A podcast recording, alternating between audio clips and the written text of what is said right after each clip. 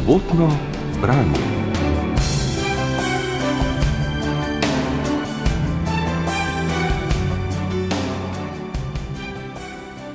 Jok me spremlja vso poklicno pot.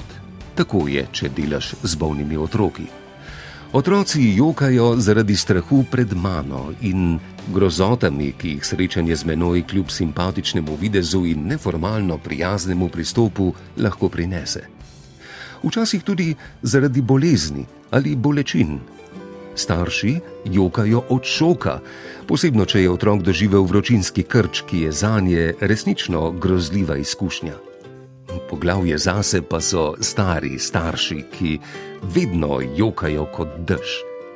Klasični dramski štirikotnik v sprejemni ambulanti so poleg mene sestavljali še bolni otrok, ki me je, ko je začetno nezaupanje izpuhtelo, radovedno gledal v pričakovanju, kaj bom ušpičil. Zaskrbljena mati, ki je v rahlem krču stala ob preiskovalni mizi, in babica, ki je hlipajoče vila roke na stolu v kotu ambulante in me rotila, naj za božjo voljo pomagam vnuku. Takšnih in podobnih osebnih, duhovitih in tudi pronicljivih misli so se bralci lahko že naužili v delovih kolumnah. V knjigi Smešno monontropo se zapisi raztezajo od januarja 2018 do decembra 2021. Čeprav je rdeča nit tem seveda zdravstvo in zdravje, ki sta dr. Marku Pokornu, priznanemu pediatru in infektologu poklicno zelo blizu, ne manjka tudi premislekov o družbenih omrežjih, o tem, kakšna družba smo, kam gremo in kot nam se zadnje piše v podnaslovu, o telesu, duhu, glasbi in vrtanju po nosu. Ko je avtor takole, ko je za knjigo zbral na enem kupu kolumne, ponovno potoval skozi čas, kakšne misli so mu švigale skozi glavo? To v bistvu, kar me že zadnja leta, vsak dan vedno znova preseneti, kako čas hitro teče. Pa v enem, da se moj način razmišljanja kaj bistveno ni spremenil, se je pa seveda eh, določeno vedenje o eh, stvarih, ki so nas eh, v tem času, recimo, ne, še posebej ta epidemija koronavirusa, se je pa s tem v zvezi naše vedenje o samih, o načinu okužbe, o načinu preprečevanja in tudi evolucija samega virusa, to pa se je spremenilo. Mar naslov smešno monontropo, smešno pa ne preveč namiguje na to, da je treba na vse gledati s kančkom humorja, hkrati pa blazno resno? Marko Pokoran. Ja, to lahko berete na več načinov. Uh, nekak, uh, ne, to je v bistvu na nek način parafraza ali pa istočnica so bili naslovi posameznih kolumen, gre pa na nek način za osnovni namen je bil morda res, da je humor kot zdravilo in ga je treba uporabljati v bistvu po pameti ne pretiravati z odmerki. Druga stvar je pa seveda ta neka moja samokritičnost, da si ne bi drzno objavil, da je to smešno, ampak jaz poskušam biti smešno, ma ne preveč. Ob prebiranju zbirke kolumn nam ta da občutek, da čeprav jih je Marko Pokoren napisal v razmaku nekaj let, se vse tako prepleta, kot da se je vse zgodilo v roku nekaj mesecev. Kako narediti kolumno večno in vsakdanjo, s katero se lahko poistovetimo tudi več let potem, ko je bila napisana? Večina teh uh, naslovov oziroma tem, ki sem jih obravnaval, niso niti vezane na določen trenutek, ali pa mogoče je samo določen trenutek bil samo tisti sprožilc ali pa morda pravi trenutek, da nekaj, kar me je že dalj časa recimo žulilo ali pa obremenjevalo ali pa se mi je zelo zanimivo, takrat pol v obliki kolumne obdelam.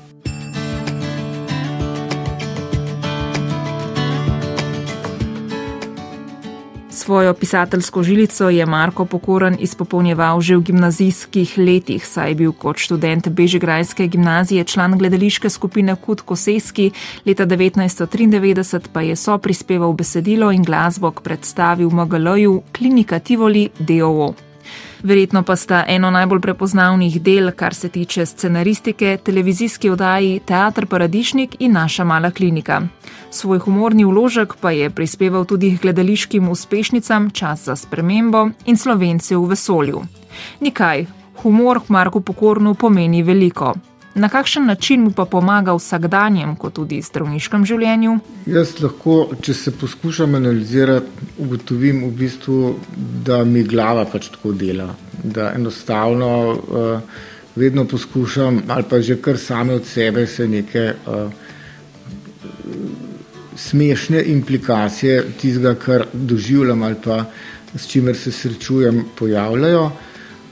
Je pa res, da sem se v teh letih kar navadil, predvsem pri svojem delu z bolnimi otroci, čim več uporabljati humor, ker mislim, da, so, da je to zelo učinkovit način, kako nekako vzpostaviti stik z otrokom, kako morda neko resno situacijo narediti manj resno.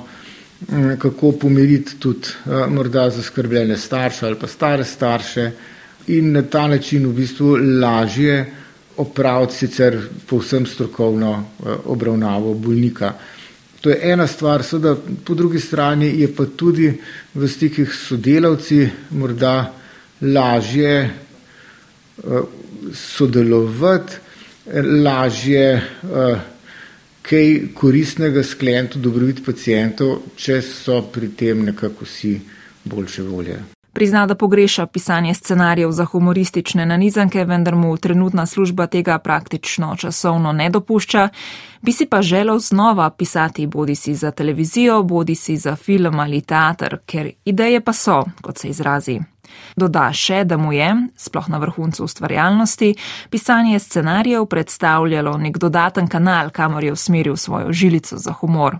Bil je pač to nek ventil, kjer kamor sem lahko na nek, eh, rečemo, ustvarjalen način kanaliziral te ideje in jih tudi eh, predstavil.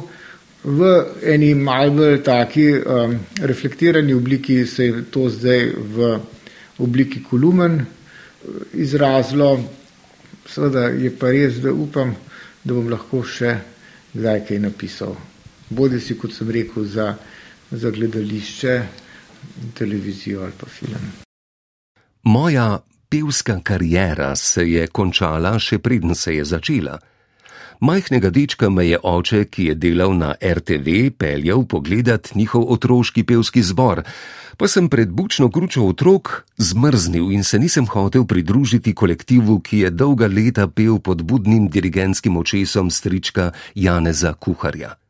Roko na srce, strahopetna odločitev je bila pravilna, saj moj glas, še posebno pa v puberteti, ni primeren za kakršnokoli pevsko nastopanje, zato se pri muziciranju raje posvečam instrumentu in sem modro tiho. Če pa me želja po petju vseeno premaga, je to v oskem krogu razumevajočih in naklonjenih ljudi. Težava ni v mojem pomankanju posluha, še predobro slišim, če kdo zafuša. Problem je v grlu oziroma glasu in glavi. Že tako nimam žametnega glasu kot Sebastian Kavaca in na radiju ne bi prodal niti enega avtomobila, še hujša ovira je v mojih možganih. Pred več kot 80 leti je ameriško-kanadski neurokirurg Wilder Penfield med operacijami bolnikov z epilepsijo v lokalni anesteziji do dobra proučil, kateri deli človeških možganov upravljajo mišice različnih delov telesa. In s kolegom Boldrijem sta glede na zastopanost živčnih celic, ki nadzirajo mišice, narisala človeško telo, ki je videti groteskno zaradi nesorazmerno velikih delov telesa, ki jih najbolj uporabljamo. Ta motorični homunculus oziroma človečnjak ima ogromne roke in obraz, k čemu sodijo tudi vse mišice, ki sodelujejo pri govoru oziroma petju. Moj človečnjak očitno ni tako grotesken, saj deli možganov, ki sodelujejo pri petju, v moji glavi niso ravno veliki in posluhu na vkljub fušam. Kot omenjeno, je Marko Pokoren v svoje kolumne izlil velik del sebe. Bravstvu je zaupal veliko osebnih stvari, ki jih marsikdo morda ne bi. pa ima občutek, da ljudje na zdravnike gledajo kaj drugače prav zaradi njegovih kolumen, da jim je prek kolumen nadel človeški obraz? To bi težko rekel. Seveda je pa res, da nek tak subjektivni pogled mogoče lažje ponazori eh, to, da smo seveda vsi pod kožo krvavi, da se na nek način, da smo osebno upleteni v delo z bolniki, da se nas to delo, ki je včasih zelo težko ali pa se tam lahko tudi zgodi marsikaj v bistvu hudega, da, nas to, da nas to ne pušča ravnodušnih in da, da, da je pač to na nek način res poklica, ne? da tega ne počneš za, za denarja, ampak da to počnemo pač zato, ker uh, nas to prvič veseli, ker je to delo, ki te v bistvu že s tem, ko nekomu lahko pomagaš, uh, vam da neko zadovoljstvo in ker je v bistvu nekako uh, pomagati ljudem uh, je neko tako uh, delo, ki uh, je lepo in bi ga lahko rad čim dlje počel. In če bi imel še enkrat na izbiro odločitev, kateri poklic izbrati, uh, ne bi niti za trenutek pomislil, da bi se odločil za karkoli drugega. Pisanje kolumn sem se lotil zelo osebno, zato sem v njih najbrž o sebi zapisal več, kot bi si želel, je zapisal dr. Marko Pokoran, kolumnist in avtor knjige Smešno manontropo. Si je želel, da bi kakšne dele kolumn spremenil oziroma izpustil, bi zapisal manj, ker je presodil, da je bilo nečesa preveč? Ne, mislim, da je pač, da sem nekako se držal v bistvu enega dost, da jim rečem, če bi rekel, enega zelo. Um, stanovitnega formata in je kolumna že po definiciji nek osebni pogled avtorja in uh, jaz se vedno poskušam tudi v nekih teh humornih zadevah, kadarkoli tudi imam kakršnokoli interakcijo, se poskušam delati norce samega sebe in dejansko in je to tudi najbolj hvaležno početje. In pač ta nek oseben princip je, moraš dati nekaj sebe v vsak tak zapis, ker potem lažje nekako tudi upravičaš svoje, oziroma lažje pol tudi temeljiš eh, svoje mnenje. Mislim, da s tem ni nič narobe. Je pa res, da se na nek način imamo neko končno količino osebnosti. In bi v bistvu sem nekako rabu ta premor, oziroma ne, da, da sem vsaj si vzel premor, ker nisem čisto rekel, da bom nehal pisati. Ne, ker enostavno sem že dobil občutek, da sem se začel prazniti in na nek način sem videl, da me je z vsako kolumno manj.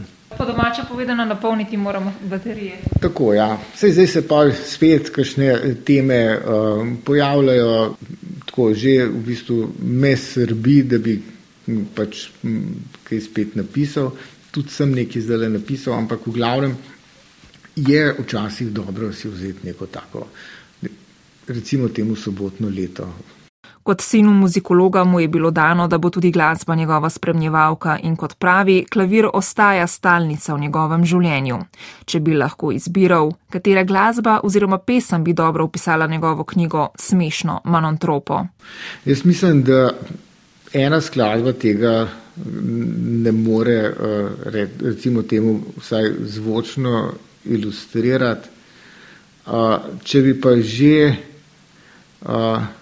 moral izbrati eh, neko skladbo pesem, pa ne bom rekel, da je to moja najljubša pesem, daleč od tega, čeprav sem bil in sem še vedno velik fan Monty Pythona, bi bil pa Always Look on the Bright Side of Life. Ja. Pač nekako se je treba življenje vedno gledati uh, z bolj vesele plati ker je to mogoče način, še posebej v teh časih, ki so skrajno negotovi in so zelo čudni, uh, lahko tako uh, ohranimo zdravo pamet.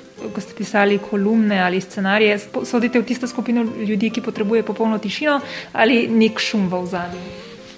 Uh, ne, jaz v bistvu ne potrebujem tišine.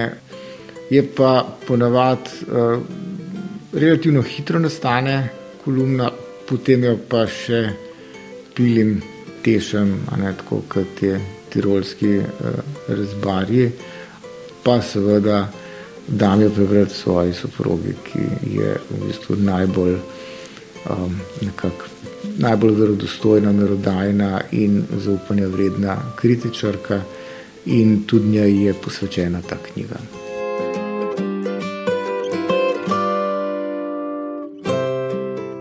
V današnjem sobotnem branju smo predstavili knjigo pediatra in infektologa dr. Marka Pokorna, sicer strokovnega direktorja pediatrične klinike v Ljubljani.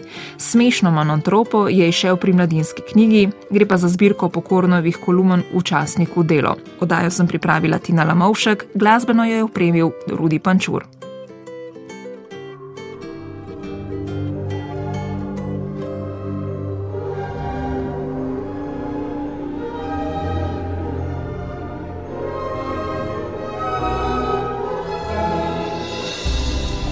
Sobotno branje.